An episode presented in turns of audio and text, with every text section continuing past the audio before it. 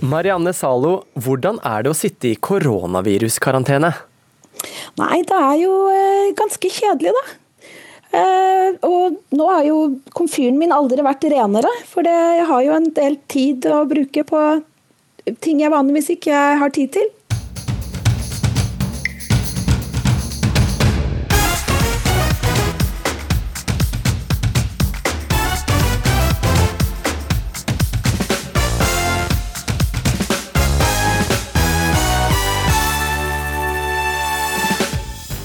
Syv stykker er nå bekreftet smittet av koronaviruset i Norge. Her i Ukeslutt møter du altså en som sitter i karantene hjemme, og Helsedirektoratet gir oss siste nytt. Og samtlige bør få sparken, raste tidligere TV 2-programleder Oddvar Stenstrøm etter at SAS ikke klarte å ta hånd om sine sandfaste passasjerer på Kanariøyene. SAS møter Stenstrøm til debatt. Og pupp, døden og dildo er ord folk gjerne vil ha på bilskiltet sitt, men får de lov? Det skal du få svar på senere her i Ukeslutt. Ja, god lørdag. Du hører altså på Ukeslutt på NRK P1 og P2. Mitt navn er Kristian Strand og skal være med deg de to neste timene. I dag holdes det også en minnekonsert for Jahn Teigen, etter at den folkekjære artisten gikk bort tidligere i uka. Og i Tønsberg, der konserten skal holdes, der er du, reporter Helena Rønning. Hva skjer hos deg? Akkurat nå så er det Marius Roth Andersen som eh, synger 'You Raise Me Up', men her på Tønsberg Torg så er det altså så mange mennesker. Det er helt stappfullt av folk som har lyst til å være med på denne vinnerkonserten om Jahn Teigen. Og når de spilte musikken hans før det starta, så var det allsang allerede da. Så her blir det en slags folkefest til minne om Jahn Teigen som gikk bort denne uka, så vi skal følge med. Hvor mange er det snakk om, da? Jeg klarer ikke å telle, altså, men det er helt fullt. Det er, sånn, det er, det er festivalstemning, altså. Du må, du må uh, tvinge deg gjennom folkemengden, og folk fortsetter å komme. Ja, dette viser altså at Jahn Teigen er en folkekjær artist. Tusen takk, reporter Helena uh, Rønning. Vi skal snakke om Jahn Teigen mer vi senere i sendingen. Da kommer Benedicte Adrian uh, for å spille noen av en av Teigens aller beste låter. Men først The Course og Runaway. Etter at koronaviruset ble bekreftet her i landet denne uka, så er det satt i gang en rekke forebyggende tiltak. I Oslo ble det på torsdag sendt ut melding til alle byens skoler om at elever og ansatte skulle unngå klemming og håndhilsing. I går etter skoletid kom det en kontrabeskjed. Ukeslutts reporter Vidar Sem tok seg en tur til Kringsjå skole, mens de nye reglene var på det strengeste og møtte tre av skolens elever. Jeg heter Halvor og er ni år og går i fjerde trinn. Jeg heter Elsa og er ti år og går i 4C. Jeg heter Sofie, er ni år og går i 4C. Hva er eh, koronavirus for noe? Eh, det er en, eh, en virus. Det er en slags sykdom, da, som er i familie med influensa. Og nå har dere fått beskjed eh, fra skolen om å passe litt ekstra på. Hva er det dere har fått eh, beskjed om? Vi skal ikke klemme hverandre eller drive og håndhilse og liksom ha mye kontakt. Med liksom fysisk kontakt. Er det vanskelig å ikke klemme, f.eks.? Ja, litt. For det er noen gode venninner som det er hyggelig å klemme på? Ja. Men klarer du å la være? Ja. Hva med deg, da? Jeg tror jeg greier det sånn akkurat sånn når jeg kommer hjem. Da må jeg klemme en vegg, på en måte, for at jeg skal få ut en klem. For du savner Ja, jeg savner å klemme. Og så er det det der med å ikke håndhilse, er det vanskelig? Um, det er litt dumt, og derfor eh, håndhilser vi med albuen i stedet. Hvordan går det, da? Eh, det er litt morsomt, og så er det litt vanskelig å treffe. Fordi det er veldig enkelt å bomme hvis man liksom bare dulter litt feil. Hvordan gjør man en sånn hilsen, da? Kan, kan, kan du vise her? Man bare dunker albuene sånn, og så sier man god morgen. Albue mot albue, altså. Så det er trikset for å unngå virussmitte? Ja, det er det.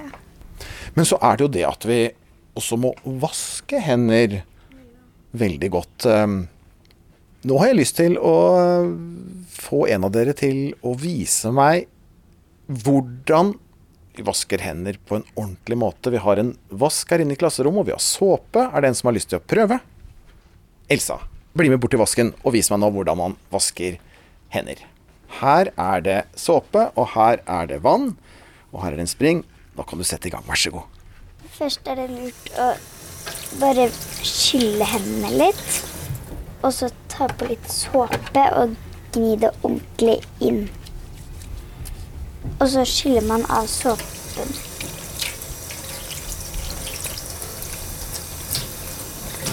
Og så må man huske å tørke hendene. Tror du hendene dine er eh, veldig rene nå? Ja.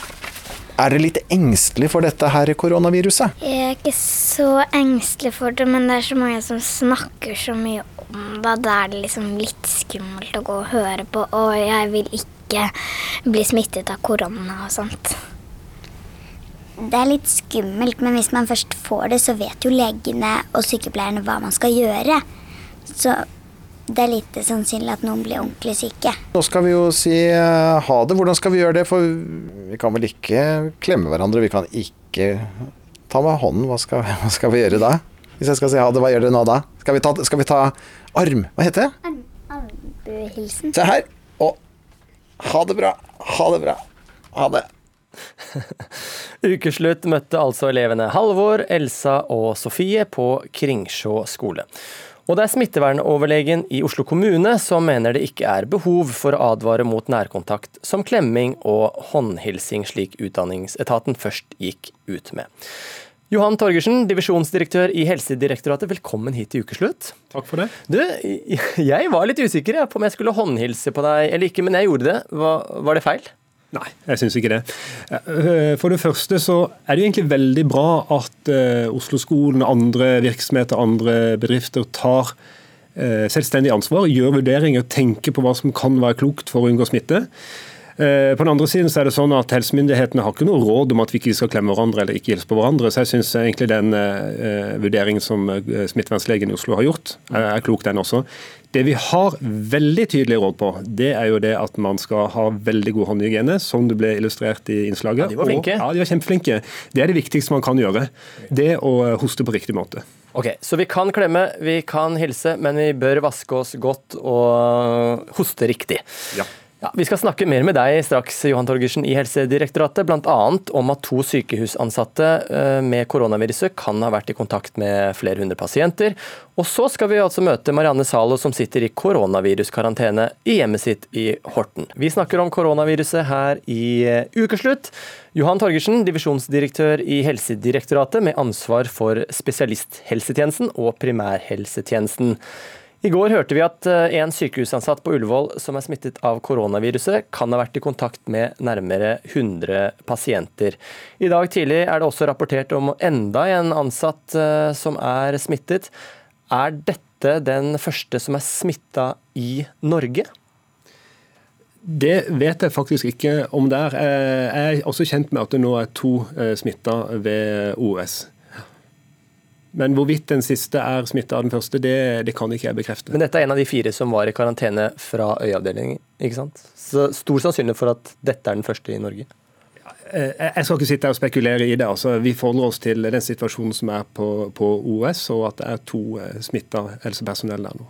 Vi hørte på nyhetene at um, Ullevål sykehus sier nå at det, er, at det, var feil at personen som hadde vært i Italia ikke ble testa, men de sier at de fulgte anbefalingene. Mm. Er de anbefalingene da gode nok, slik du ser det?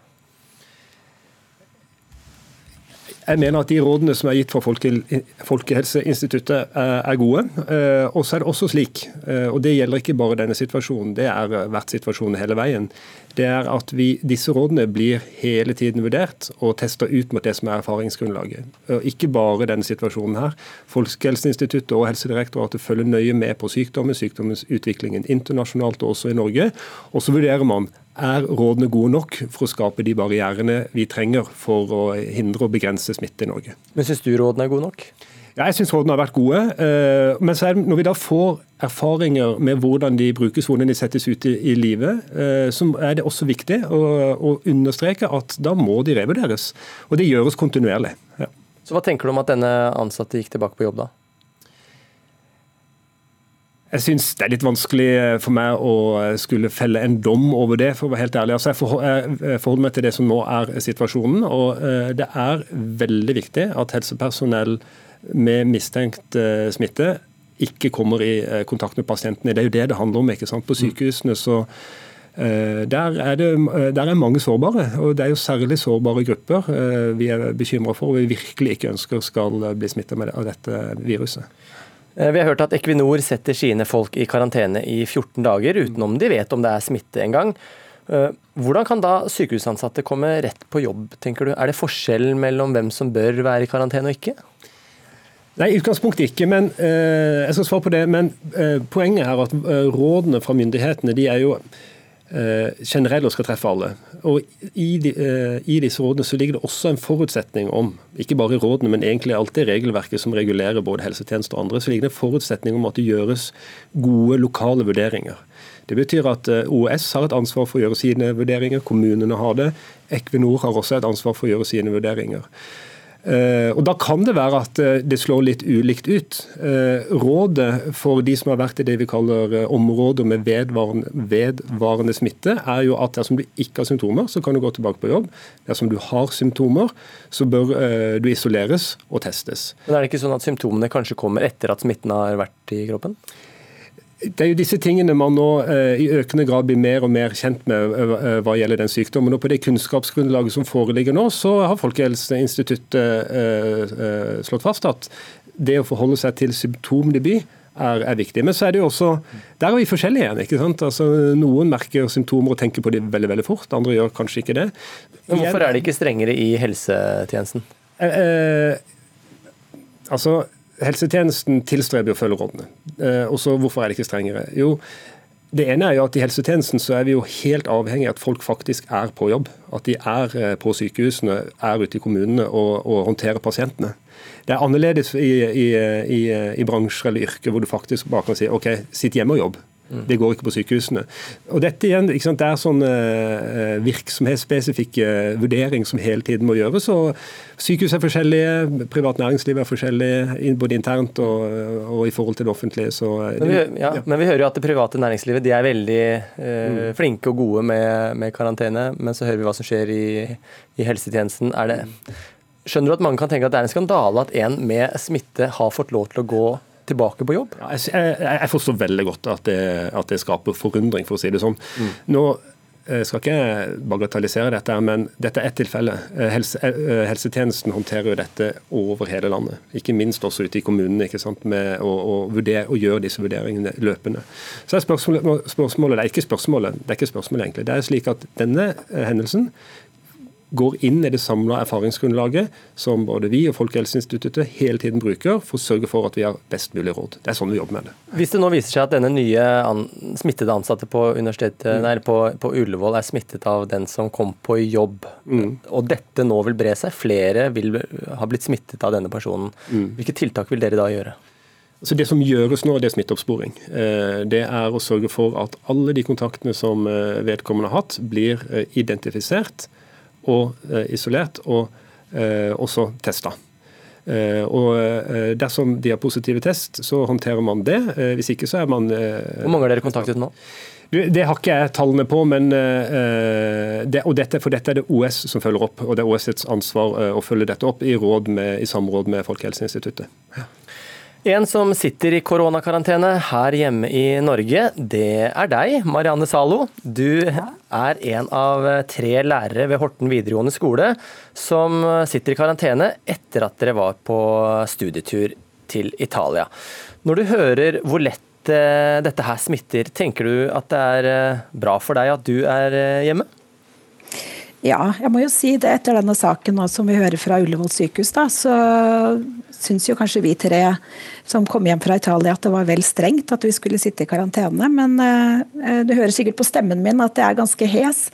Og det er klart at hvis jeg skal komme tilbake på jobb og høre sånn ut, så vil det kanskje være mange som ville trodd at jeg hadde vært, vært smitta, da. Ja, Er du smittet? Jeg har ikke blitt testet ennå.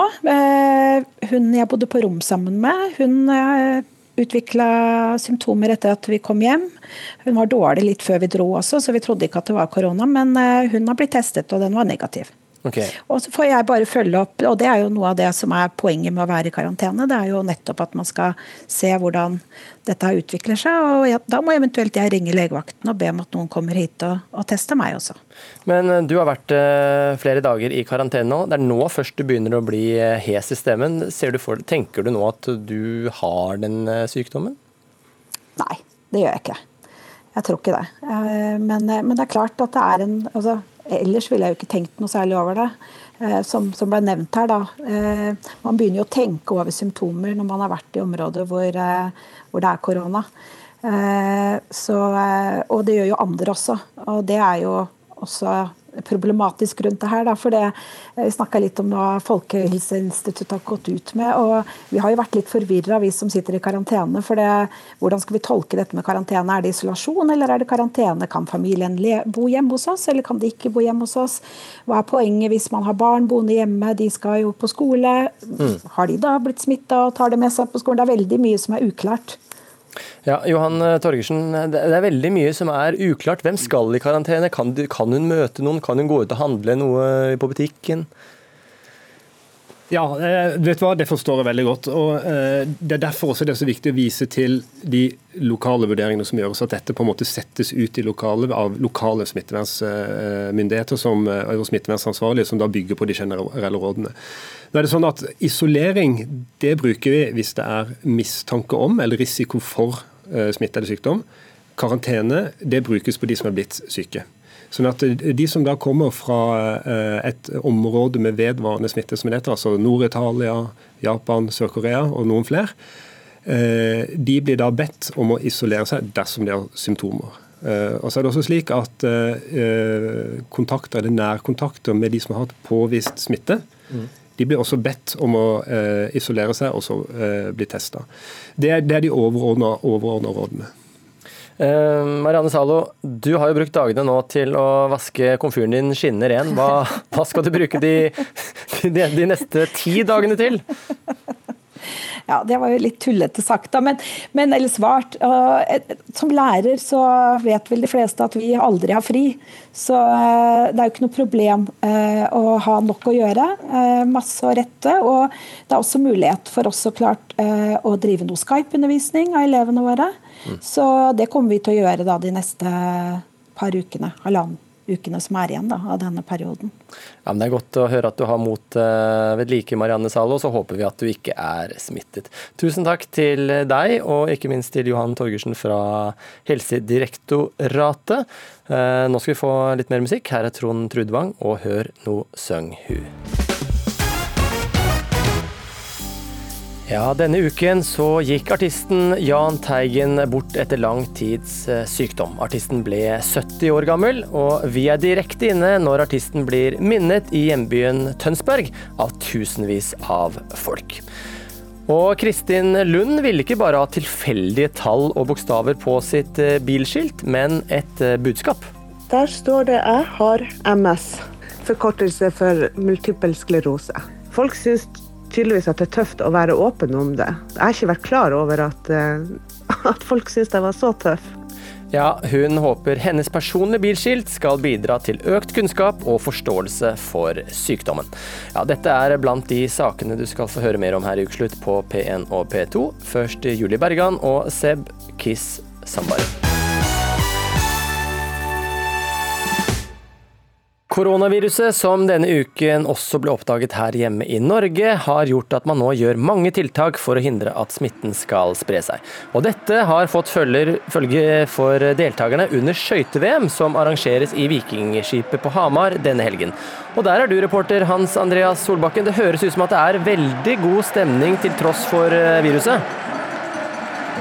Det går ikke an å si at eh, det er så koronapåvirka stemning her. Da er det i hvert fall en annen type korona som påvirker dem.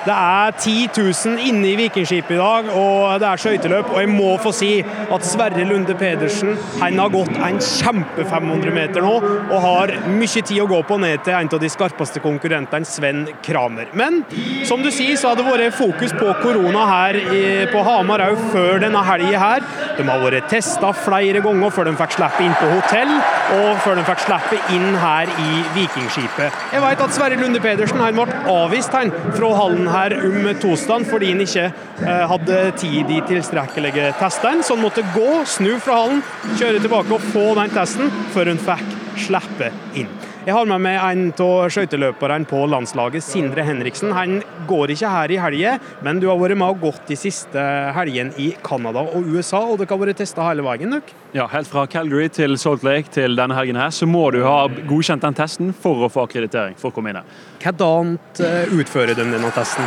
De tar febermåling på oss, så det er ganske enkelt, men eh, du må få den godkjent. Ja.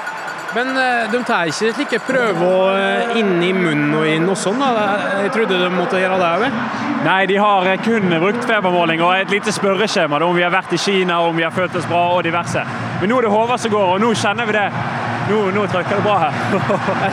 det er ikke så, det er ikke noe koronafrykt der, det kan vi jo si, da. Men har du kjent på frykten for koronaviruset når du har reist rundt i verden og på skøyteløp? Ikke ennå, men skal vi se hva Håvard går på nå, da.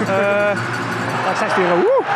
Ja, nå går det fort der. Jeg har ikke kjent på frykten ennå, men nå begynner jo den å spre seg litt mer. Så vi får se hvordan det utvikler seg. Det som skjedde akkurat nå, når folk jubla, er at Håvard Bøkko, legenden Håvard Bøkko, som har båret skøytesporten på sine aksler de siste ti årene, han gikk inn til 36,45, og da er det full jubel i Vikingskipet. En ganske bra 500 meter til Bøkko, og som sagt, det er ikke noe koronafrykt der, men utøverne har vært testa med febermåling flere ganger her i Vikingskipet. Ja, Det er godt å høre at stemningen er så god på, i Vikingskipet på Hamar denne helgen her under skøyte-VM. Tusen takk til reporter Hans Andreas Solbakken som rapporterte om koronavirusstemningen der oppe. Nå skal du få staut og leika like ved. Du har kanskje lagt merke til at noen biler i trafikken har bilskilt som skiller seg litt ut. Kanskje står det Taco, Dyret eller T-rex. Siden sommeren 2017 har det nemlig vært mulig å søke om personlig bilskilt her i Norge, og over 8000 varianter har blitt laget. For noen er det viktig å ha et budskap, mens andre bare vil spre humor og glede. En av de ivrigste er nok Torbjørn Aamodt, som skifter bilskilt som andre skifter skjorte. Torbjørn Aamodt kommer kjørende i en hvit Tesla med personlige bilskilt hvor det står El Tempo. Inspirert av racerbilen i Flåklypa Il Tempo Gigante. Jeg syns jo det måtte er litt sånn prikken over i-en, da. Jeg syns at uh, man kan måtte smykke bilen sin litt med litt morsomt uh, skilt. Foran i passasjersetet har han flere andre skilt som han varierer mellom. Og så var det vel en fest og da var det noen venner som sa at du må, du må kjøpe det skiltet der. Eh, uh, T-rex. Tenkte jeg da Tesla Rex. Og nå setter han på et skilt med kallenavnet sitt på. Da går det for Tobben. TBB1. Dette er veldig greit med klipsrammene på bilene. Så du slipper å skru. Så det er bare klipser av og klipser på. Så er det ferdig. Men det koster. Prisen for et personlig bilskilt er 9000 kroner, og gir eieren rettigheter til sitt skilt i ti år. Overskuddet bruker Statens vegvesen til trafikksikkerhetsarbeid. Ja, det er 9000 ganger fem, det. Eh, kona har også et skilt, så det er jo seks skilt til sammen i familien. Ja. ja, altså Vi bruker jo penger som eh, jeg kan bruke.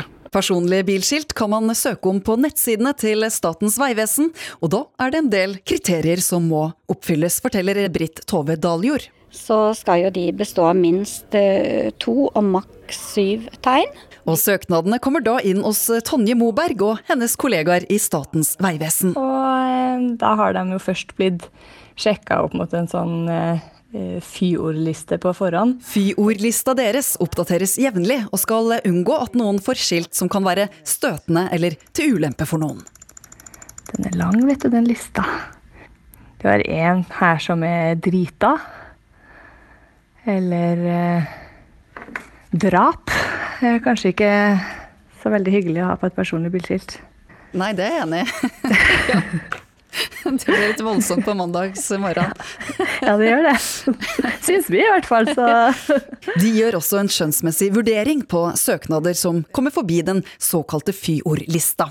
For det er flere som prøver på ulike triks, forteller hun. Eh, Så der blir vi jo ganske gode på å lese både baklengs og opp ned, og eh, lese tall som eh, bokstaver osv., og, så videre, og likevel gjennomskue dem som prøver seg, da.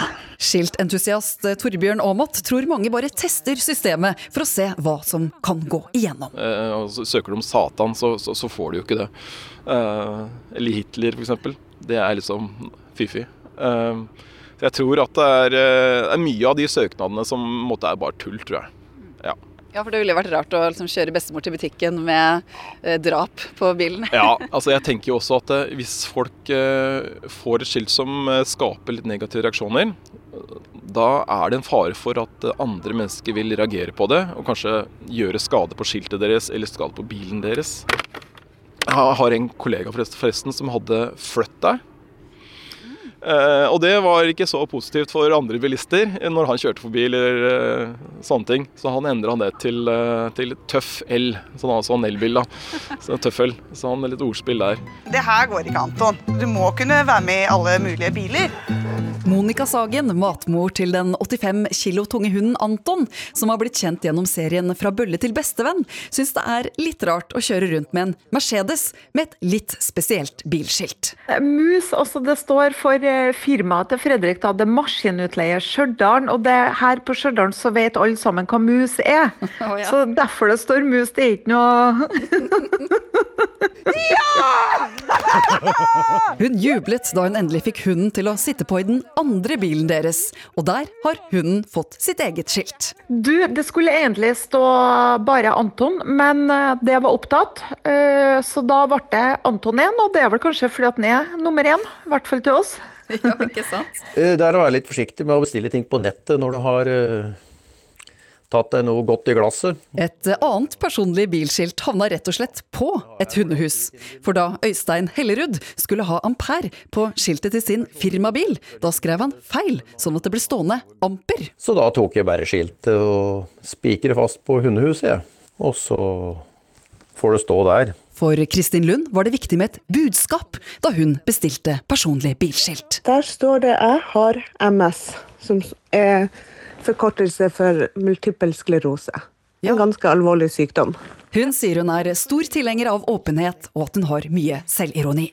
Bilskiltet gjør det synlig at hun er syk. Ja, den, en, den klare tilbakemeldinga jeg har fått, det er tøft. Du, tøffa, tøffa. Ja, Tenker du at bilskilt, eh, kan det bli en måte som flere kan være åpne og komme med eh, budskap? eh? Det må gjerne komme flere etter meg, det syns jeg bare er artig. Og så spøker jeg nå litt med de som kjenner meg, at den dagen det kommer digitale skilt, så kan jeg jo kanskje ha en rulletekst. Da kan jeg jo rulle opp hele livet mitt der. Ifølge Statens vegvesen har det kommet inn over 27 000 søknader om personlige bilskilt siden dette ble tillatt i Norge i 2017. Men over 16 000 har aldri betalt for innvilget søknad, og derfor ikke fått noe skilt. De vurderer nå å innføre tiltak for å øke andelen som blir betalt. Kanskje noen har hatt det litt morsomt i helga, og, og egentlig når de våkner dagen etter, så hadde de kanskje ikke tenkt å, å bestille dette skiltet om de hadde fått det innvilga. Hvis de uh, smiler og ler, så det skaper litt glede, syns jeg det er ekstra, ekstra stas. Torbjørn Aamodt syns det er gøy når folk legger merke til hans personlige bilskilt inspirert av både film og bil, og forteller at skiltene faktisk har gjort at han nå kjører mye penere. Så etter det her så er jeg mye mer snillere i trafikken og kjører pent, for jeg vet at jeg blir lagt merke til. Ukesluttsreporter var Line Forsmo.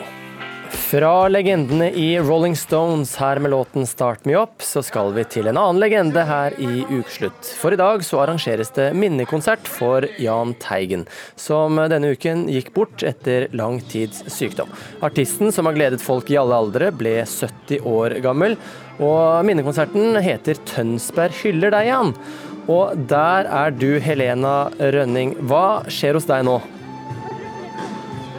Akkurat nå så dro de i gang låta 'Friendly' fra scenen her på Tønsberg torg. Og det er ca. 7500 mennesker som har møtt opp for å være med på denne hyllestkonserten til Jahn Teigen. De har trykt opp eh, hefter med alle tekstene og sånn, som de har gått tom for, tror jeg. Og så to står sammen med to stykker, Yvonne og eh, Eirin, er det ikke det? Jo, stemmer. Dere, når Optimist spilte sånn ordentlig ivrig med armene i været og veide, hva er det som gjør at dere velger å bruke lørdagen her? Nei, det er, det er for å hedre en stor mann da, med en fantastisk stemme, som vi har hatt det veldig mye gøy med sangene hans på fester og alt vi gjør, holdt jeg på å si. Alle stadier i livet. Det er gåsehud. Det er det. Veldig hyggelig å være her, og at det her ble til. Det er veldig bra. Men dere, eh, det har vært taler, det har vært latter. og eh, jeg vet ikke, Mange har hatt eh, en tåre i øyet også? Ja, det blir det. Det gjør det. Flere ganger. Hva er det som gjør at uh, han har vært så gir så mye glede og rører folk? Ordentlig Tønsberg-gutt. Det er litt sånn ja, Han har jo vært eh, fantastisk og har så mange fine sanger, og det er veldig fint på den måten her, syns jeg. da. Og det er gøy at så mange er her og ja. ja. Jeg tipper han følger med. Du tror det? Ja, ja det får vi håpe. Ja. Ja. Hvilke sanger er det yndlingssangene deres, da? Jeg var redd du skulle spørre. Ja, det er mange. Uh, det er mange. Ja. Slå ring er fin. Den her ja, og Optimist er vel kanskje den som jeg liksom har høyest, da. Ja. Dore Mi og ja. Mine til mil ja. Så bra. Takk skal dere ha. Det er en mann ved siden av her, jeg skal høre med han. Hei, hva heter du? Alf Einar Olsen. Ja, og du også står her med sanghefte og har lyst til å være med og synge. Jeg er ikke så glad i å synge, så jeg tror du skal få noen andre til det. Ja, jeg tenkte, tenkte ikke at du skulle synge, men hva tenker du om dette arrangementet som er her for å hedre Jan i dag? Jeg syns det er fantastisk flott. Hvorfor det? Nei, det er jo for oss som er tønsbergensere, og som husker Jan helt fra oppveksten, og som meg som har vært og kløpt meg hos faren hans da jeg var liten, så er jo dette her noe litt sånn unikt for Tønsberg. Og vi er glad for å kunne være her og hedre Jan i dag. Og det er altså 7000 andre mennesker som har møtt opp for å hedre Jahn Teigen i dag. Ja, tusen takk Helena Rønning, som er i Tønsberg, altså. Og det er flere som skal hedre Jahn Teigen her i ukeslutt, for senere så kommer eh, artist Benedicte Adrian for å minne sin gode venn og synge en av hans aller største hits. Ja, SAS har eh, måttet tåle kritikk etter at flyselskapets eh, passasjerer var blant de flere tusen som var sandfaste på Kanariøyene forrige helg. Sanden fra Sahara førte til at fly ikke kunne ta av fra Gran Canaria og Tenerife, og dermed ble det en langtekkelig avslutning på vinterferien for mange, som opptil flere døgn måtte vente på fly. NRK-medarbeider Katrine Krømke var blant de sandfaste på Gran Canaria, og hun forteller at informasjonen de fikk fra flyselskapet ikke var mye å skryte av. For det er det som har vært problemet hele veien. Det er ikke det at folk er irriterte over at ikke de kommer seg hjem. De er mer irritert over at ikke de får vite noen ting. Alle har forståelse for at verken SAS eller flyplassen eller noen andre kan gjøre noe med en sandstorm, men det vi ikke har forståelse for er hvordan i all verden man ikke klarer å få informasjonen ut til kundene sine. Ja, og En annen som har fått kjenne på konsekvensene av sandstormen, og som har reagert kraftig på, på dette, det er deg, Oddvar Stenstrøm, tidligere programleder i TV 2. Du eh, bor på Gran Canaria, du er på Gran Canaria nå, og du skulle følge datteren din med familie til flyplassen, eh, hvor de da skulle fly hjem med SAS. Hvordan opplevde du den eh, helgen der? På samme måte som det vi nettopp hørte. For å ta lørdagen først, eller helgen først, så blir flyplassen stengt kvart over fire. Passasjerene står i gaten og spør seg selvsagt om hva gjør vi nå? Og Så går det hele fire timer før det kommer en spansk dame som sier at SAS prøver å skaffe hotellrom. Hun ser de aldri noe mer til. Hun kommer ikke tilbake. Så er det noen av oss som selv klarer å skaffe seg hotell. Andre belager seg på å overnatte ved gaten. Ingen representanter dukker opp. Ingen får noen SMS-er. De som har skaffet seg hotell, vil gjerne ha koffertene sine. og Så ringer de kundeservice i Stockholm, for de ser, tenker ikke at de kan gjøre noe annet. og det er svar de får. Dette er ikke vårt ansvar, dere må spørre bakkemannskapet på flyplassen. Men bakkemannskapet på flyplassen sier at de kan ikke levere ut bagasjen fordi SAS ikke har gitt en tillatelse. Og imens, på gaten ved siden av, så får alle Norwegian-passasjerene som står der, bagasjen sin tilbake. Og dette eskalerer Så utover uka. det da, dette, dette er jo lørdag, og så kommer det da en eh, app hvis du skal ta helgen med en gang. da. På appen til SAS står det at flyet i stedet skal gå lørdag klokka tolv. Og Det står også på tavla på flyplassen også. Så kommer de til gaten, bruker de gamle boardingpassene. Der står flyet nedstøvet, det er ingen å se. Halv tolv så ser datteren min at pressesjefen sier til Aftenposten at ingen SAS-fly går fra Gran Canaria til Norge den dagen. Så ringer de kundeservice igjen, og hva svarer kundeservice? Jeg regner med at det er i Stockholm. Jo, flyet skal gå. Det står her. Og du må ikke tro på det du leser i avisene. Men det er jo pressesjefen som sier, sier datteren min ja, det spiller ingen rolle, du må ikke tro på det. Ja, vi Så blir har... klokka ett, og da blir flyplassen stengt igjen. Og vet du hva? Da får de den første SMS-en på 18 timer, og hva står det der? Skaff deg hotell selv. Ja, og vi, vi har pressesjefen i SAS, eh, Jon Eckhoff, med her i Ukeslutt. Ja, Vi hører her både fra Katrine Krømske, NRK-medarbeider, som var sandfast i Gran Canaria, og ikke minst Oddvar Stenstrøm og hans familie, som sier at det er eh, ekstremt dårlig arbeid som er gjort av informasjonsavdelingen i denne saken. Hva tenker du om det, Eckhoff? Nei, Jeg syns det er ganske godt beskrevet, eh, den situasjonen som var eh, på Gran Canaria. Og at vi, vi må nok erkjenne at vi kunne blitt bedre på å gi mer eh, og bedre informasjon enn og bedre informasjon tidligere, da sandstormen traff Gran Canaria. og Det, det skal vi selvfølgelig ta lærdom av. Og så tenker jeg at under slike hendelser så vil passasjerene selvsagt ha stort behov for informasjon. og jeg er, ikke, jeg er ikke sikker på om det noensinne kan bli bra nok, men dette skal vi selvfølgelig evaluere, og så skal vi se på eh, hvordan vi kan forbedre rutiner og systemer. Men eh, Oddvar Stenstrøm, eh, du mener at denne mediehåndteringen her er ubrukelig og inkompetent? Ja, for dette skjer jo hver gang det inntreffer en krise. Hver gang så får du denne kritikken og manglende informasjon.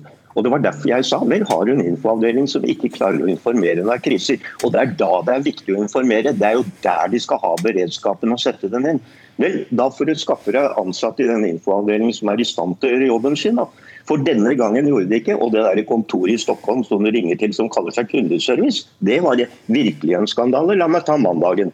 Da dukker det opp på appen til SAS at flyet skal gå klokka 18. Så reiser vi til flyplassen, og fem minutter etter å ha reist, så kommer en SMS til datteren min om at flyet er utsatt til åtte neste morgen. Da ringer vi SAS igjen, og så sier de vet du hva, dette vet vi ikke noe om. Flyet går klokka 18, dere må dra til flyplassen. Og først klokka 21 samme kveld så kan Stockholm endelig bekrefte jo det er riktig, flyet skal ikke gå for neste morgen. Ja, Jon Eckhoff, her Det er hører vi det huet. det er, eh, det er vanskelig informasjonsflyt her. og Stenstrøm sier at eh, ja, rett og slett at eh, dere er ubrukelige, og at noen her eh, rett og slett bør gå. Eh, Hva tenker du om den kritikken?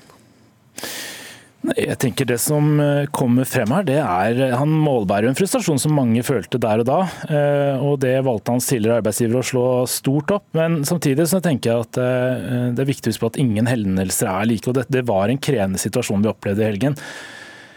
Men er ikke dette, noe, er ikke det dette her noe dere burde, være, dette burde, klare å informere godt om? Jo, eh, og det skal vi selvfølgelig eh, forsøke. Eh, Men så var det altså denne situasjonen som var. Det var skiftende vær. eh, Sandstormen kom og gikk. Det var tusenvis av passasjerer på flyplassen som trengte hjelp.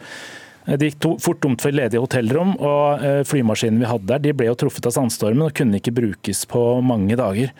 Så sendte vi et fly nedover, som måtte, eller flere fly som måtte snu i lufta. Et fly som ble omdirigert eh, til Las Men vil, vil du ta innover inn over deg det Stenstrøm sier om at her har det vært inkompetente mennesker på jobb? Ja, kanskje ikke med de ordene. Altså, jeg har jobbet i SAS i fire uker, og jeg kan garantere både Stenstrøm og alle andre som bestiller reiser med SAS, at jeg har bare møtt kompetente, engasjerte og flinke mennesker de dagene jeg har vært der. Og jeg ser ikke at verden skulle bli så veldig mye bedre av at alle som jobber med sandstormen skulle slutte. Eh, Snarere tvert imot. Vi sitter ja, på verdifull erfaring. det er ingen som mener det. For vi sier, jeg sier som NRK-medarbeideren, dere kan ikke noe for at flyplassene stenger. Men at dere ikke er i stand til altså På Las Palmas-flyplassen så, så landsetter dere eh, 100 000 av passasjerer i løpet av et år. Så har dere ikke én eneste representant som kan komme og fortelle passasjerene som må overnatte tre døgn på flyplassgulvet, hva som egentlig skjer. Det er jo det som er skandalen. Men eh, Stenstrøm, ikke, har altså, du gått jeg, litt jeg, jeg, jeg, jeg flyr SAS, og vi kan ikke tenke meg å gjøre noe annet. For jeg syns det er et av de beste flyselskapene i verden. Vi har jo også diamantkort, og bikkja mi har gullkort. Men det er ikke det det går på. Og når du sier at min tidligere arbeidsgiver slo dette stort opp, det er ufint. Ja, da betyr det at du har ikke tatt for deg kritikken. Stenstrøm, eh, er det, er det sånn at eh, med dette diamantkortet som du nevner, hadde du, hadde du regnet med at du skulle bli litt mer prioritert på informasjonssiden? Nei, altså, det, det var jo datteren min, det var jo ikke meg. Og hun står der med to små barn. Og det verste var jo at her satt det folk med, i rullestol som eh, de ikke klarte å få seg hotell. De hadde overnattet tre netter på flyplassen. Småbarnsfamilier. Røde Kors kom etter hvert og delte ut disse røde teppene. Det så jo ut som en flyktningleir. Og jeg er ikke frustrert pga. meg selv. Men å se alle de som led fordi dere var ikke i stand til å informere ordentlig. Vi kjørte jo ut inn fra flyplassen hver eneste dag pga. Stockholm, som ikke visste noen ting. De visste ikke at dere engang sendte ut SMS-er. Jon Eckhoff, eh, du hører her, det er, det er mye frustrasjon her samtidig. Eh, Hvordan, hvordan tar dere til dere dette her, at denne informasjonsflyten har vært eh, mer eller mindre ubrukelig? da? Som jeg startet med, så, så er jo dette noe selvfølgelig vi skal, skal lære av. Og jeg tenker at det er sånn som, sånn som situasjonen var, så var det veldig vanskelig. Og, og det gikk fort tomt på hotellrom. og da, vi, vi prøvde også å informere da eh, via SMS. Det var ikke så mye å informere om, og det var skiftende omstendigheter. Eh, Stormen la seg ikke så fort. Første meldingen vi fikk var jo at eh, sandstormen kom til å være over ved midnatt, og at flyplassen skulle åpne igjen. Det gjorde den da åpenbart ikke. Men helt til slutt, vil noen måtte gå i info, infoavdelingen for dette her? Ja, selv om jeg fortsatt er i prøvetiden, så føler jeg meg relativt trygg på at jeg har nødvendig tillit. Ja, takk. takk for at dere begge var med. Christian, jeg må jo si det at flyet tok av da omsider tirsdag 13.42. Og vet du hva? Med et pottesurt dansk kabinpersonale. Ifølge min datter, og hun flyr til London annenhver uke. Men kofferten den dukket omsider opp på Gardermoen. Ja, men det er, det er godt å høre at man i hvert fall kom hjem til slutt, eh, Oddvar Stenstrøm. Tusen takk for at du var med her i Ukeslutt, tidligere programleder i TV 2 og pressesjef i eh, SAS, Jon Eckhoff. Ja, I dag, eh, 29. februar, har over 3500 norske skuddårsbarn virkelig grunn til å feire bursdag. For denne dagen dukker jo tross alt opp bare hvert fjerde år. Og i familien Henriksen fra Andøya har tre av seks barn bursdag i dag. Og de har fått mye oppmerksomhet for det gjennom årene. Så mye at eh, Leif Martin på 52 nesten kan kjenne på følelsen av å være en kjendis. Det hadde vært verre hvis det hadde vært hvert år. Ja da, det, når man, det er ikke det at jeg, vil ikke på langt nær noen kjendis, men jeg kan skjønne hvordan det kjendislivet kan være hvis man ganger den dagen her med 365. Leif Martin Henriksen er vant til å bli intervjua av journalister om bursdagen hans. Han er nemlig født på skuddårsdagen, og det er to av søsknene hans òg. Det har faktisk resultert i en verdensrekord. Har dere greid samme prestasjon som mor? Nei, dessverre. Jeg prøvde, prøvd, veldig mye, men, men eh, Du har prøvd veldig mye, ja.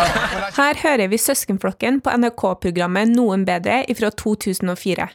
Gjengen har vært populær blant nasjonal og internasjonal presse i mange år.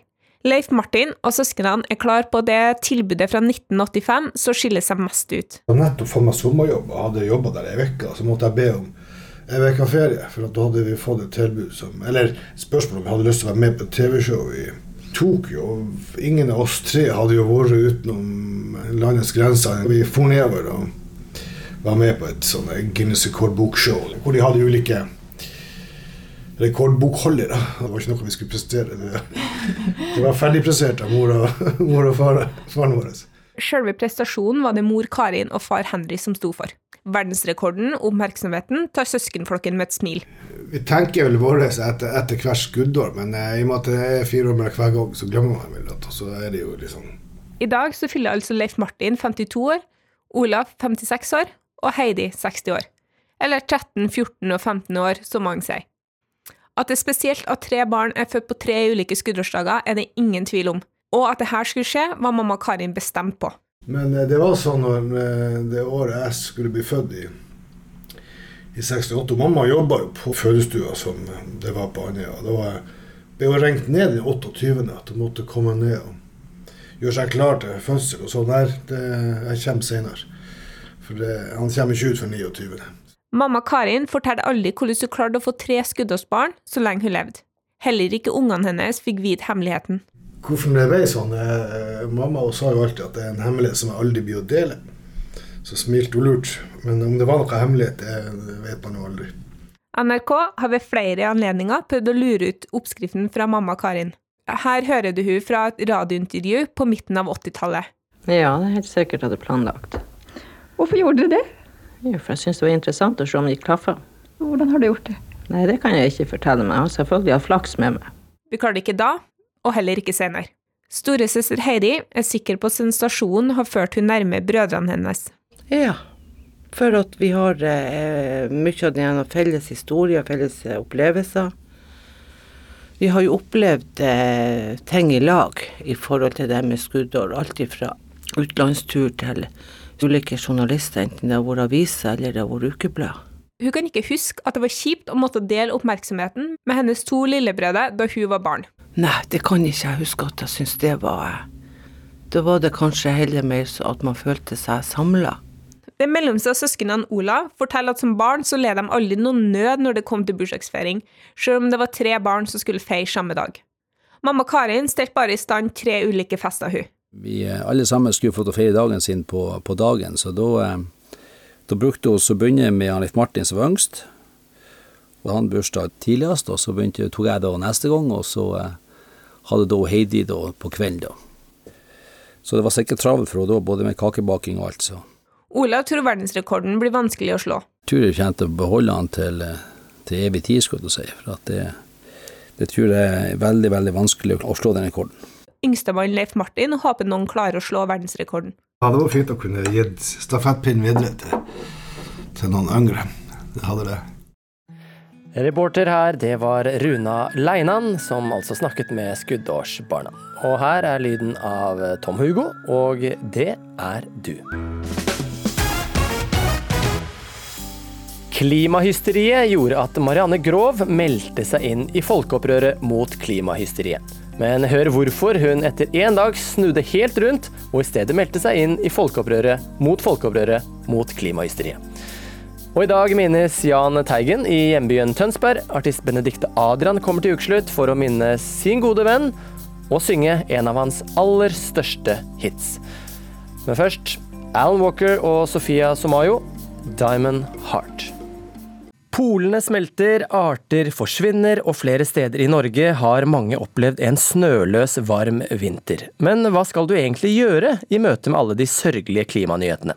Marianne Grov synes det er blitt klimahysteri, og meldte seg inn i folkeopprøret mot klimahysteri på Facebook. Men der ble hun kun ett døgn før hun gikk over til den andre sida, nemlig folkeopprøret mot folkeopprøret mot klimahysteri. Marianne Grov, hvorfor byttet du side? Ja, hvorfor bytta jeg side? Altså, forløpet, Det er jo en forløper òg til at jeg i det hele tatt meldte meg inn i denne gruppa mot klimahysteriet. Men grunnen til at jeg meldte meg ut, det er jo at når jeg kom inn der, så i gruppebeskrivelsen på denne gruppa, så sto det at eh, i denne gruppa så var vi i lag om å være imot hysteriet.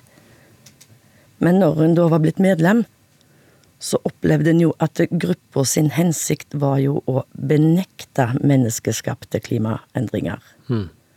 Og da Jeg kan akseptere at alle med medlemmene inni der har en ulik oppfatning, men jeg kan ikke være med i en gruppe som har en leder som går ut og snakker på mine vegne, og sier at alle vi her inne benekter.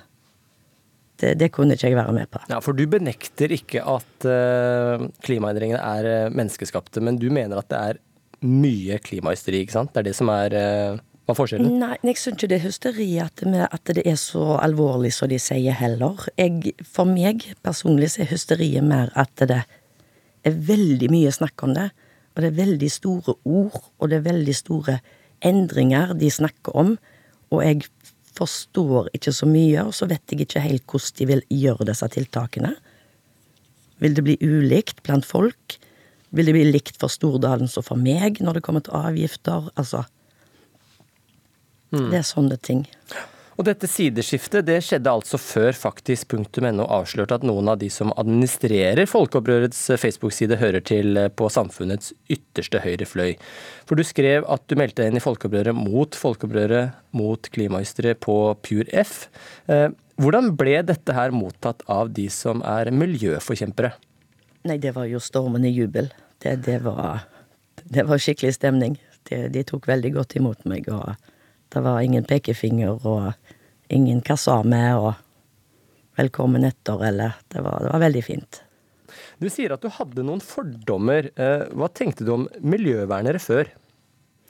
Jeg trodde alle som kjempa for miljøet, de trodde jeg var sånn som MDG, MDG mm. og sånn som resten av politikere eller organisasjoner som bruker veldig store ord.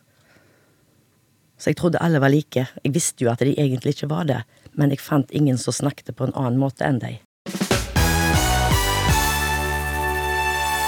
Klima- og miljøvernminister Sveinung Rotevatn, velkommen hit. Ehm, før låten 'Good Kids' med Hailey, så hørte vi Marianne Grov, som altså var med i folkeopprøret mot klimahysteriet i ca. ett døgn, før hun skifta side. Og hun mener at det fortsatt er klimahysteri i Norge, og at ingen prater til henne. Og du er jo ansvar for eh, miljøet her, miljøpolitikk her i landet. Snakk, klarer du ikke å treffe Marianne? Kanskje ikke. Jeg håper jo at jeg gjør det. Eh, og Grunnen til det er at jeg har møtt ganske mange sånn som Marianne. Eh, for jeg tror faktisk at hun er ganske representativ. Det er, det er veldig få i Norge som ikke tror at klimaendringene er menneskeskapte. Og, og, og godt er det. Den debatten er på en måte over, og det vet vi. Men det er nok mange slik som Marianne som tenker at ja, klimaendringene er menneskeskapte, men hvordan skal vi klare å stoppe dem? Eh, hva vil det bety for meg, min jobb, min private økonomi, eh, velferden som vi blir tilbudt? Eh, og de trenger svar.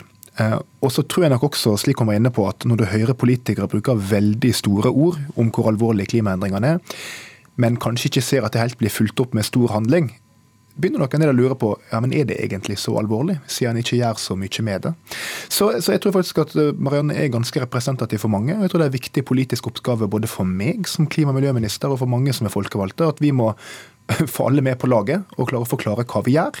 Og forhåpentligvis er det noe folk vil være med på. Men nå ser vi altså at folkeopprøret mot klimahysteri på Facebook får stadig flere medlemmer. Jeg vet ikke, Det er vel over 150 000 nå. Mange føler og opplever det samme som Marianne. Har dere feila på kommunikasjonen her, da, eller? Jeg tror i hvert fall at det er et stort forbedringspotensial i det å forklare folk eh, hva som er regjeringa sitt prosjekt. ikke sant? Og regjeringa sitt prosjekt det er at vi skal klare å kutte våre utslipp, gjøre vår del av det som jo er en stor global fellesjobb. Men at vi skal gjøre det uten å kutte i utviklinga. Vi skal sørge for at folk har trygge jobber, at du har høy sysselsetting, at du har en trygg velferdsstat også når vi har vært gjennom det grønne skiftet. Og Det tror jeg oppriktig på, at det er fullt mulig å få til. At vi klarer å kombinere de tingene. Og jeg tror at Hvis beskjeden ut til folk er at nå skal dere få veldig mye verre liv, da tror jeg veldig få har lyst til å være med på den dugnaden. Men det er da heller ikke målet. Men hva er det Marianne og alle vi andre som, som må ta i et tog nå? Hva er det vi må gjøre nå, kortsiktig? Ja, altså jeg mener jo grunnleggende sett at, at, at, folk skal ikke drive på en måte og, og skamme seg for å leve vanlige liv. Det, det, må folk få lov til. Ok, Så det betyr at vi kan fly, vi kan spise rødt kjøtt, eh, vi kan kjøre dieselbil. Det er jo det hverdagen til mange er i dag. Ja, og jeg, eh, jeg eter jo sjøl rødt kjøtt, og jeg flyr, og jeg kjører dieselbil. Eh, og jeg skjønner at folk gjør slike ting. Det er en politisk oppgave å sørge for at vi endrer samfunnet vårt og stopper klimaendringene. Men jeg syns det er fint hvis folk tar personlig ansvar i sin hverdag også, og det forsøker jeg også å gjøre. Altså Jeg forsøker å ete litt mer frukt og grønt og fisk enn det jeg gjorde før. Jeg forsøker å velge kollektiv heller enn fly eller bil hvis det finnes et tilbud. Um, og den typen valg i hverdagen betyr noe i sum. Og det er mange som ønsker å være med, og det syns jeg er bra. Men grunnleggende sett så er det et politisk ansvar at vi kommer i mål. Men er det sånn, det ikke sånn at vi hører jo hele tiden at vi, at vi skal ikke leve det livet som vi lever lenger? Vi skal endre livet vårt. Vi skal gjøre noen tiltak som gjør at vi er med på kloden. Men samtidig så sier du at vi skal ikke ha skam for det. det... Jo, jeg bare sier at jeg tror at um, vi kommer bare i mål dersom folk ser at det lønner seg for dem å gjøre slike valg. Eh, og at de får bedre liv av det. Og Da er det en politisk oppgave å sørge for nettopp det. Ikke sant? At det lønner seg å, når du skal kjøpe en ny bil, slik mange skal fra tid til annen, at det er mest lønnsomt for deg å kjøpe en miljøvennlig bil heller enn en miljøfiendtlig bil. Det har vi jo hatt ganske stor suksess med i Norge, og jeg tror veldig få syns det er et problem at det er billig å få seg en miljøvennlig bil. Og Sånn må vi tenke på andre områder også, og da kommer vi i mål. Marianne Grov, eh, hva tenker du om det klimaministeren sier her? Snakker han nå til deg? Skjønner du noe av dette? Snakker fremdeles ikke helt til meg. Nei. Man må huske at det er grupper som har Med verken Stordalen, men mange grupper er ikke engang på gjennomsnittslønn. Dette er grupper som forbruker minst av alle. De er allerede miljøvennlige og klimavennlige. De flyr ikke, de reiser ikke, de har ikke biler og hytter. Og de går ikke på shopping. Ikke sant? Og, og i visse tider i året så er nettleiesummen høyere enn en strøm, en strøm, summen på renringen. Så jeg syns vi må anerkjenne de litt, denne utryggheten de kan oppleve. Skal, skal jeg få enda mindre enn det? Altså, de bruker allerede svært lite. Du skal kort få slutt på, til slutt få eh, kommentere det, Rotevatn. Nei, det, det er helt riktig det som blir sagt. Og De som gjerne har et størst klimafotavtrykk, som vi sier, de som gjør mest skade på miljøet og slipper ut mest, er i stor grad de som har best råd. Eh, og Det tror jeg vi alle skal ta inn over oss, og nettopp ha som en viktig rettesnor for all klimapolitikk framover. At vi, den skal ikke skape større forskjeller mellom folk. Omstillinga må være rettferdig. Og så sørger vi på den måten for at vi får folk med oss og ikke mot oss når vi skal kutte norske klimagassutslipp. Og det opplever jeg at vi, at vi er enige om at vi skal gjøre. Og jeg diskuterer gjerne med alle som vil hvordan vi kommer i mål. Takk for at dere var med i Ukeslutt, Marianne Grov og klima- og miljøvernminister Sveinung Rotevatn. Mandag gikk Jahn Teigen bort, 70 år gammel, og mange har skrevet at Jahn Teigens musikk var lydsporet til livet deres. En som har flere musikalske bånd til Teigen, det er artist Benedicte Adrian, og hun skal snart synge en av Teigens låter, som betyr noe spesielt for henne her i Ukeslutt. Men først et tilbakeblikk på Jahn Teigens karriere, fortalt av ham selv, her først fra 1978.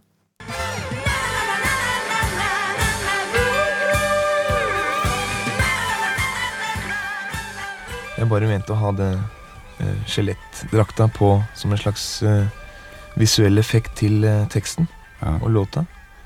Men jeg leste avisene da mandagen etter, så ble jeg litt skremt sjøl. For jeg hadde ikke venta reaksjon i det hele tatt.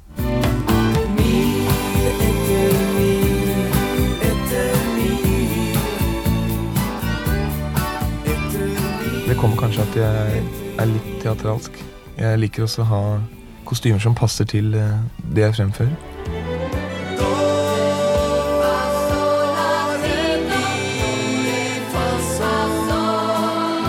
Fordi han har jo gjort det veldig godt i Grand Prix, når man ser det fra Finansdepartementets side. Han har jo aldri vært i nærheten av å påføre oss utgifter med sånne store arrangementer. Så han har en høy stjerne i Finansdepartementet.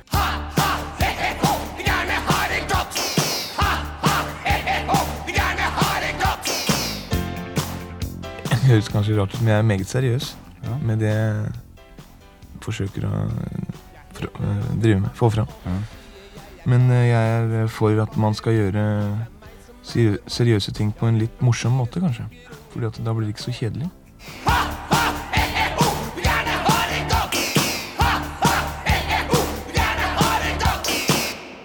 Popol vi hadde akkurat lagd en video med en låt som heter Queen of All The Queens.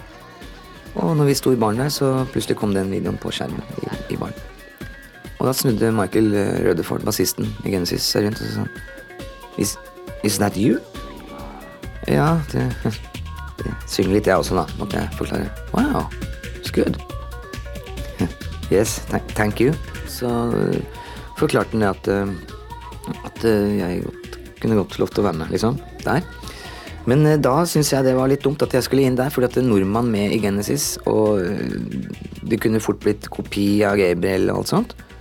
Du Tror du at um, Genesis eh, ville vært like svært i dag dersom du hadde takket ja til å bli ny vokalist? Ja, det tror jeg, men jeg tror ikke Phil Collins hadde vært det. The law commands me, the executioner. If you're the guilty one, then I kill. Det var jo de fire minuttene på scenen i London.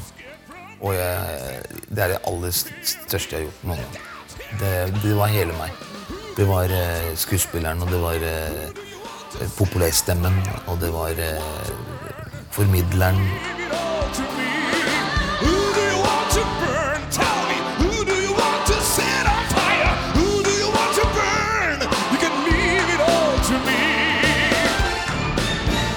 Jan har en helt utrolig evne til å, til å reise seg igjen. Han har den evnen til å, til å tenke riktig. Til å tenke positive tanker. Eh, og det synger han jo om også. Jeg tenker opp når jeg er nede, for jeg er en optimist. Og det er jo Jan i et nøtteskall, egentlig. Optimist, jeg vet det går bra.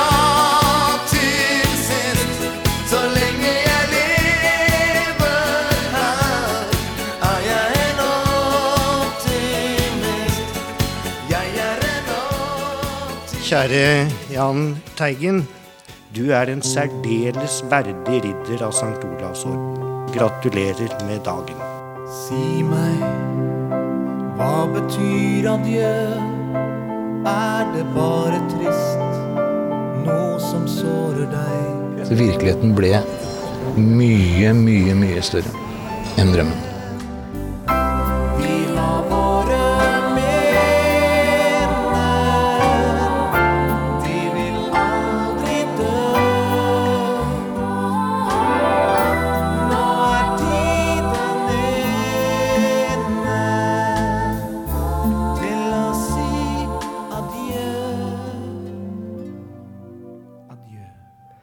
Reporter her, det var Linn Beate Gabrielsen. Velkommen til eh, ukeslutt, Benedikte Adrian. Her hørte vi mange godbiter fra hans karriere. Hvordan er det å Mm. høre disse tilbakeblikkene? Dette her syns jeg var en veldig nydelig oppsummering av Jahn Teigen som personlighet og karriere. Det er klart, eh, Når han sier at å være med på Witch Witch var liksom det største i livet hans, så blir jeg jo helt rørt. Jeg blir jo helt varm over hele kroppen. Jeg tenker at For oss var det ekstremt stort å få med han. Eh, En mann som jeg var fan av fra jeg var så liten som jeg kan huske, fra han startet vel, egentlig. Eh, Og jeg ønsket meg også en sånn skjelettdrakt. Jeg har også alltid egentlig ønsket å være så optimistisk som han er, da. For å kunne reise seg opp igjen. Og det er det som gjør forskjellen på de som kommer langt, og de som ikke kommer langt, er at folk gir jo gjerne opp. Mm. Så han, for meg har han vært virkelig en sånn ledestjerne for hvordan man skal tenke. At du må bare børste av deg. Du må ikke slutte å være den du er. Du må ikke slutte å tro på det du tror på. Du må bare reise deg opp, og så må du bare kjøre på. Så må du bare tenke at neste gang treffer jeg flere, eller neste gang så Ja. Og så er det det med disk diskusjonen om hva som er en suksess eller ikke, den må du på en måte ta i ditt eget hode. Du har ditt eget regnskap.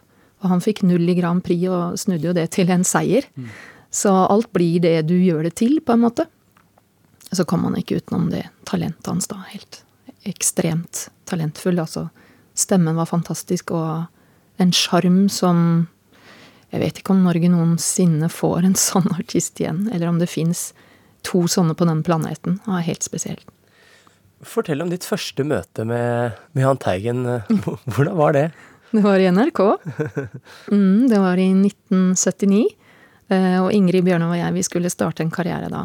Så vi hadde fått kontrakt med plateselskap, i hvert fall kontakt med dem.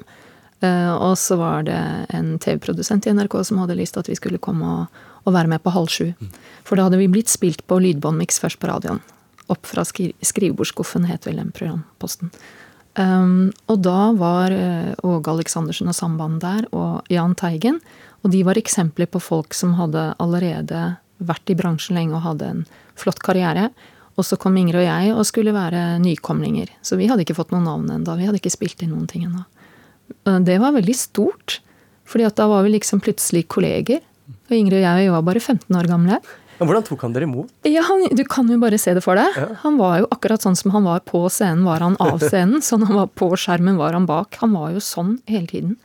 Så han føyk rundt i gangene og lagde ablegøyer for alle oss ungene som var med i det programmet. da. Vi var jo nesten ungdom. Vi var ungdom, da, men vi var jo nesten unger.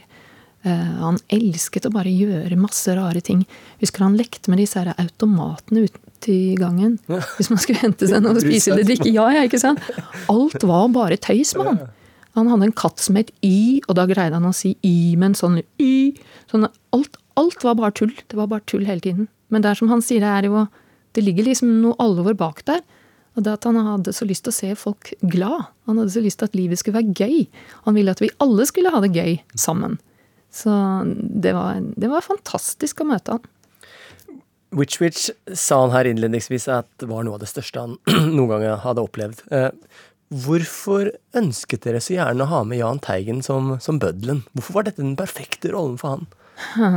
Jeg vet ikke om det kom som bare en sånn lyn fra klar himmel, en slags inspirasjon.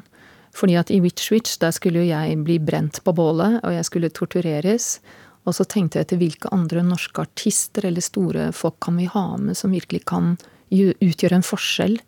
Og da skulle vi først ha en konsertversjon da under fest, eh, Festspillene i Bergen. Eh, og da, jeg vet ikke, det var veldig lett å komme på han. Jeg vet ikke hvorfor det var det. Han var veldig markert karakter. Eh, og også det at han ikke er redd for å Eller var. Det blir rart å venne seg til at det blir var nå, ikke er. Men han var jo heller ikke redd for å spille en rolle som en usympatisk, slem, grusom fyr. Mm. Men han kunne liksom klare å fylle dem med et eller annet menneskelig eller humoristisk som kunne løfte det til noe større enn det vi hadde skrevet. Og det var jo helt riktig. Han gjorde jo det. Men du har sagt at eh, han oppleves som en klovn, men det er egentlig en filosof han er. Mhm, Hva mhm. legger du i det? Han var veldig opptatt av det siste gangen jeg traff han da i 2016 og var hjemme hos han og skulle lage noe TV-program. Da var det den siden som var veldig mye tydeligere. Um, alvoret hele tiden. For han satt og Jeg tror han funderte veldig mye over hva som egentlig er essensen av dette livet. Hva er det vi er satt av for å gjøre? Hva er meningen med dette her? Hadde han noe svar på det? Um, altså, dypest sett så var det vel å få folk til å le, i hvert fall. I hvert fall nyt den stunden det er her. Men veldig Jo, han tenkte mye på hvordan man skulle være mot hverandre, tror jeg. Og hva som var riktig, og hva som var sant. At ikke folk skulle fare rundt med løgn. Mm. Og utgi seg for å være noe annet enn de var. At de skulle holde seg til sannheten. Du skal eh, fremføre en av hans eh, aller eh, mest kjente og kanskje kjæreste låter, 'Min første kjærlighet', sammen med pianist Gisle Haaland. Hvorfor ønsker du at Ukeslutts eh, lyttere skal få høre den, dette? I det TV-programmet som jeg snakket om da i halv sju, i januar 79, da vi traff Jan for første gang, så fremførte han Min første kjærlighet for første gang. Så det er en sang jeg kan uten at jeg har måttet lære meg den eller øve den inn noen gang. Jeg tror vi alle har en del Jahn Teigen-låter som vi bare kan, hvis vi tenker oss litt om. Eh, Og den, den minner meg selvfølgelig om det første møtet vi hadde med han. Du skal få gå og gjøre deg klar. Takk.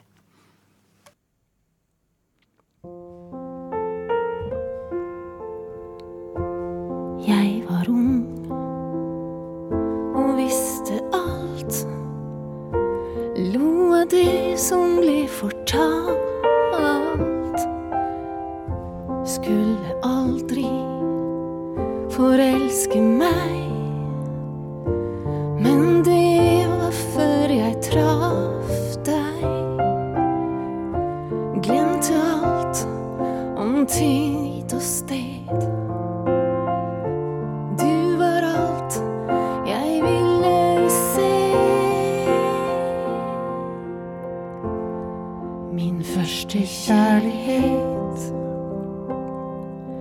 gjorde mer for meg enn du noen gang kan forestille. Min største kjærlighet ga jeg bort til deg. Det fantes bare en av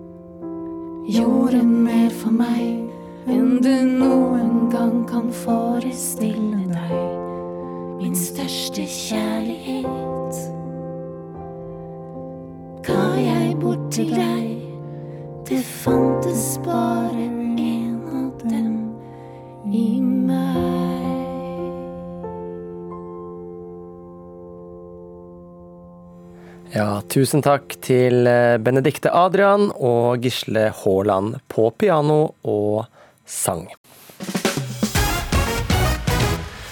Ja, Ansvarlig for denne ukesluttsendingen eh, denne lørdagen, det var Kari Li. Teknisk ansvarlig Hanne Lunås og Helje Svensson. Her i studio, det var Kristian Strand. Og så husk, vi er alltid på podkast. Ha en strålende lørdag videre.